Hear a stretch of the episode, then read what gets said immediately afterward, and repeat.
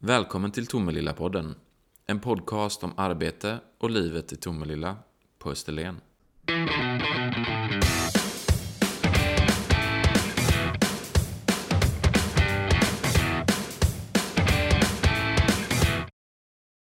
Välkommen Jonny till Tomelilla-podden. Tack, det är roligt att vara här.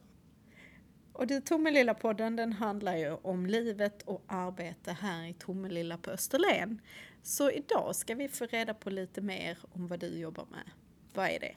Ja, jag jobbar ju då som kock i, eh, på Kastanjeskolan. Storköket där uppe, skolrestaurang. Lagar mat till äh, äh, åldersspannet 0 till 100 brukar vi säga. Väldigt givande jobb. Jobbar mellan äh, det är ju dagtidsjobb, det är ju fantastiskt när man jobbar som kock. Det finns inte så mycket annat att välja på just under de här arbetstiderna.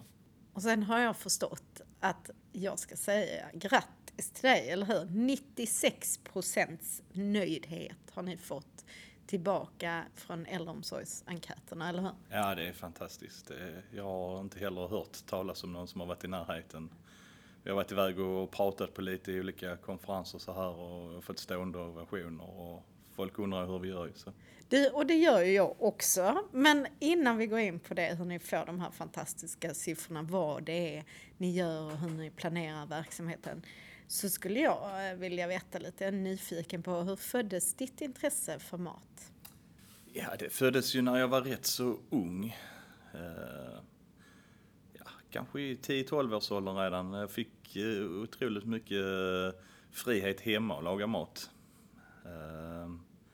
Laga mycket kvällsmat till mina föräldrar, jag och min syster. Så många gånger när de kom hem från jobbet så hade vi kvällsmaten färdig på bordet. Så, ehm, ja, mycket genom, vad ska man säga, från min släkt också, skulle jag säga fått mycket inspiration från mammas moster. Så här. Fått in lite utländsk matlagning i det också. Så. Oh, spännande. Så ni är en sån här matglad familj helt enkelt? Ja, det vill jag säga. Vi tycker mm. om att äta mat allihop. Men du, hur gick det från det här matintresset och det här familjeintresset till att bli kock i en kommun? Ja, eh, jag hade ju lite praktiker först där jag jobbade i eh, ett storkök i rätt så låg ålder. Jag tror redan att det var på min högstadiepraktik som jag var ute första gången och valde att nog testa att jobba i ett kök. Fastnade för det och sökte in till kockskola. För du är Tomelilla påg själv? Ja, det är jag. Ja. Verkligen. Och stolt över det arbetet som ni gör här? Ja, väldigt stolt. Det är ju, jag tror att vi är på rätt väg här i Tomelilla. Och eh, det finns ju mer att jobba med men jag tror att vi är på rätt väg. Det, det måste man tro. För annars hade man fått söka sig någon annanstans. När man har de ambitionerna som jag har för matlagning så känns det som att vi jobbar på, på helt rätt håll. Ja, du för 96 procents nöjdhet pratar vi om i den enkäten inom äldreomsorgen, nöjdhetsenkät. Sen så har dessutom tre av dina kollegor varit med och tävlat där du hjälpte dem med lite rådning. Under, för det är teamarbete, eller hur? Ja, jag ja. fick uh, köra skiten när de tävlade kan man väl säga. och de tävlade i matlagnings-SM. Ja. Ja. ja, fantastiska, ja. tre superba kollegor. Ja, alla mina kollegor är superba vill jag väl då också lyfta fram, men framförallt uh, sitt arbete de gjorde. Sicke meny, jag tyckte den var värd att komma betydligt högre. Jag har tittat på de andra som också har varit med i det här och sett deras menyer och sett att det också är fina menyer. Men tänket som följer den här menyn, det tycker jag är fantastiskt och tyckte de till och med skulle komma ännu högre än vad de gjorde. Men hur kommer det sig att ni i Tomelilla är så bra på det här med matlagning inom kommunen? Vad tror du? Alltså jag tror att det beror på att vi har personer som jobbar med det som verkligen brinner för det. Som inte bara har det som sitt arbete utan har det även som lite passion ifall man säger så. Att man vill inte kasta fram något dåligt och bara tänka att det ska bara fylla magen utan man, man vill vara stolt över det man serverar. Det tror jag är... Sen har ni dessutom ju en sån här jordbruk, landsbygd. Men det är ju inte alltid man kan nyttja råvarorna som finns i närheten. Men hur funkar det i Tomelilla? Det funkar ju väldigt bra. Det är ju med det här nya med den här samlade varudistributionen som vi har. Där vi har kunnat bryta ner anbuden i mindre beståndsdelar där vi kan plocka in till exempel tomater på, eh, från eh, Ramsåsa eller äpple från Kivik eller så här.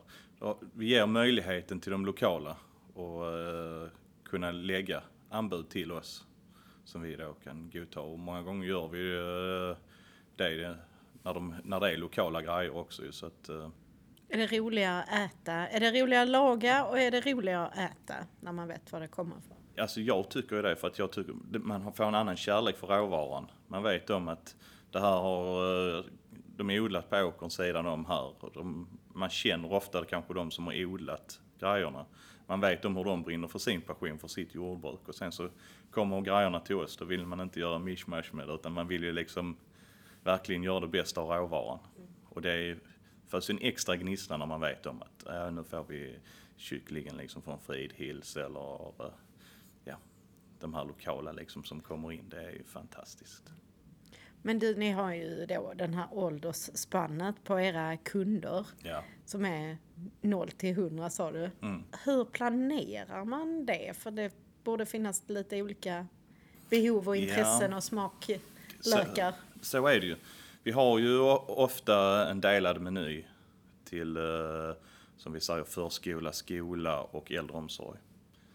Sen har vi ju till äldreomsorgen har vi dessutom, vi har ett dagens alternativ och sen har man fyra stycken alternativ förutom det som man kan välja på varje dag.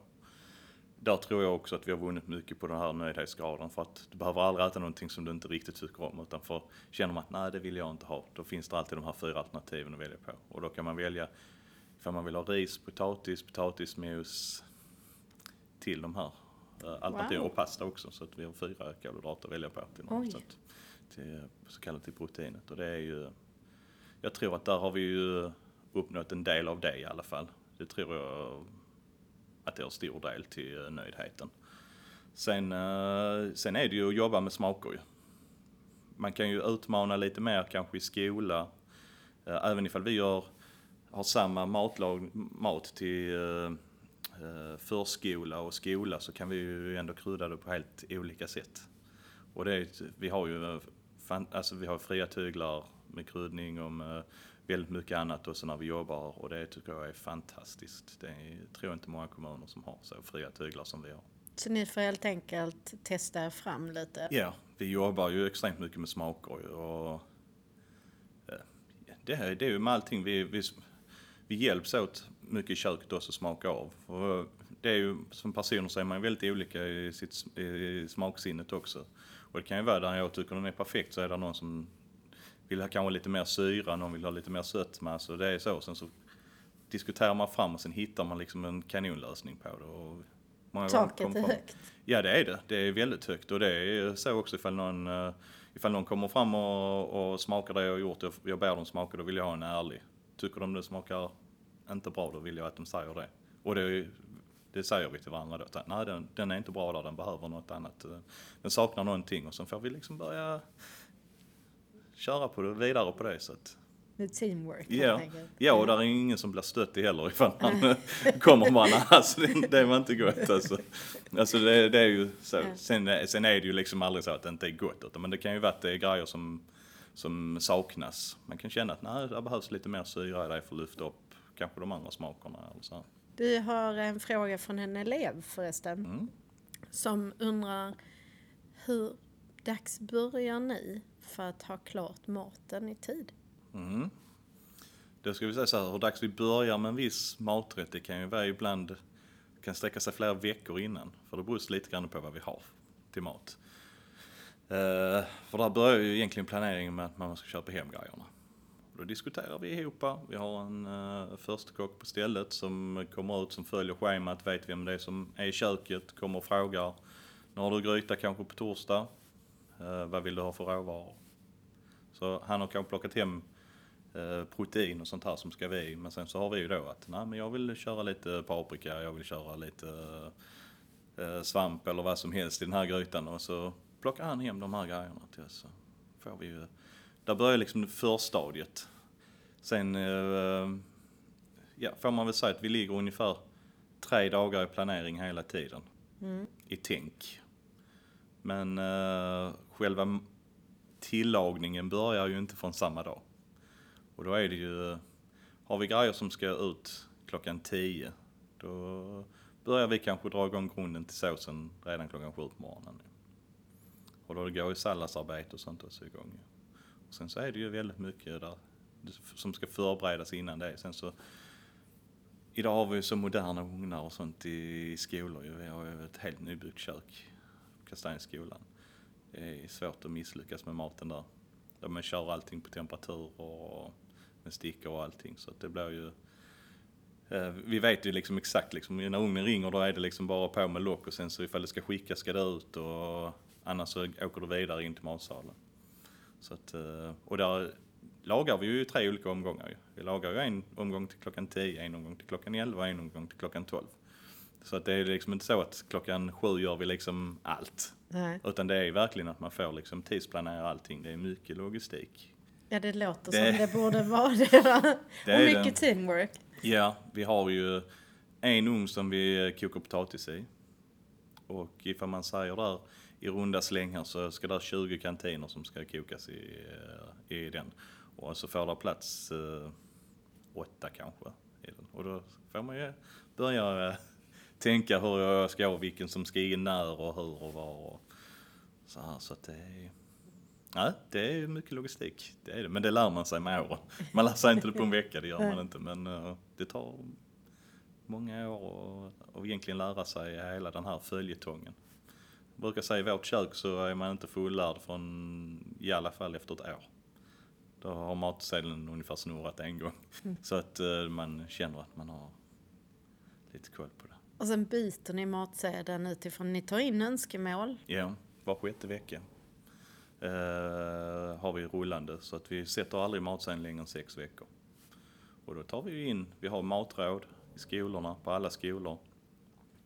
Eh, på ålderdomshemmen har vi, då har vi, åker vi ut och har matråd med dem, tar in eh, eh, feedback och önskemål och så här och sen så lägger vi in det då i, eh, i menyplaneringen och sen så förhoppningsvis kommer det med de nästa sex veckor som kommer. Så det, är, det är inte, allas önskemål kan inte gå igenom alltid. Nej. Men, eh, vi har, och det, brukar vi sätta ut också då att eh, nu är det Smedstorps skola som har önskat detta Ja. eller nu är det Odenslundsskolan som har önskat det här.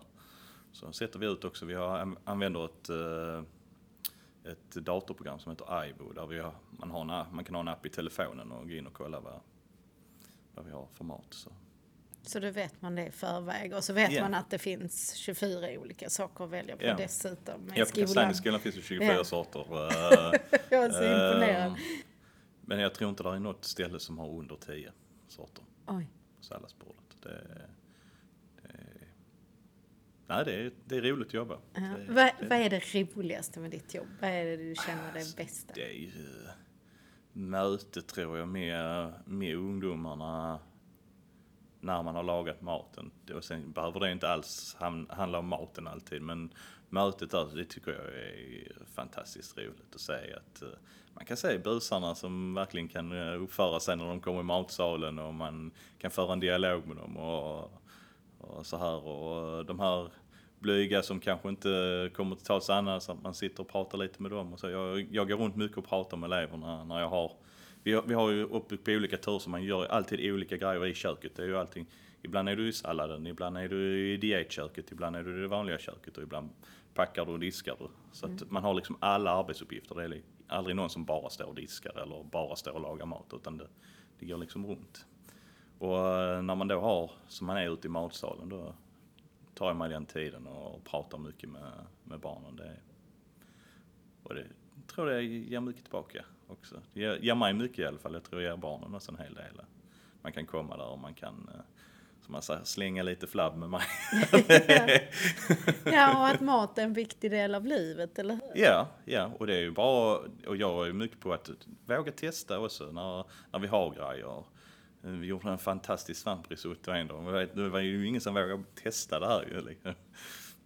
och, får man ju börja där, då fick man ta fram lite småtallrikar och så här. Så klickar man upp en liten klick där till dem och så, men ta med dig smaka och så. Ja, men sen, ja, det var ju rätt gott det här faktiskt. Mm.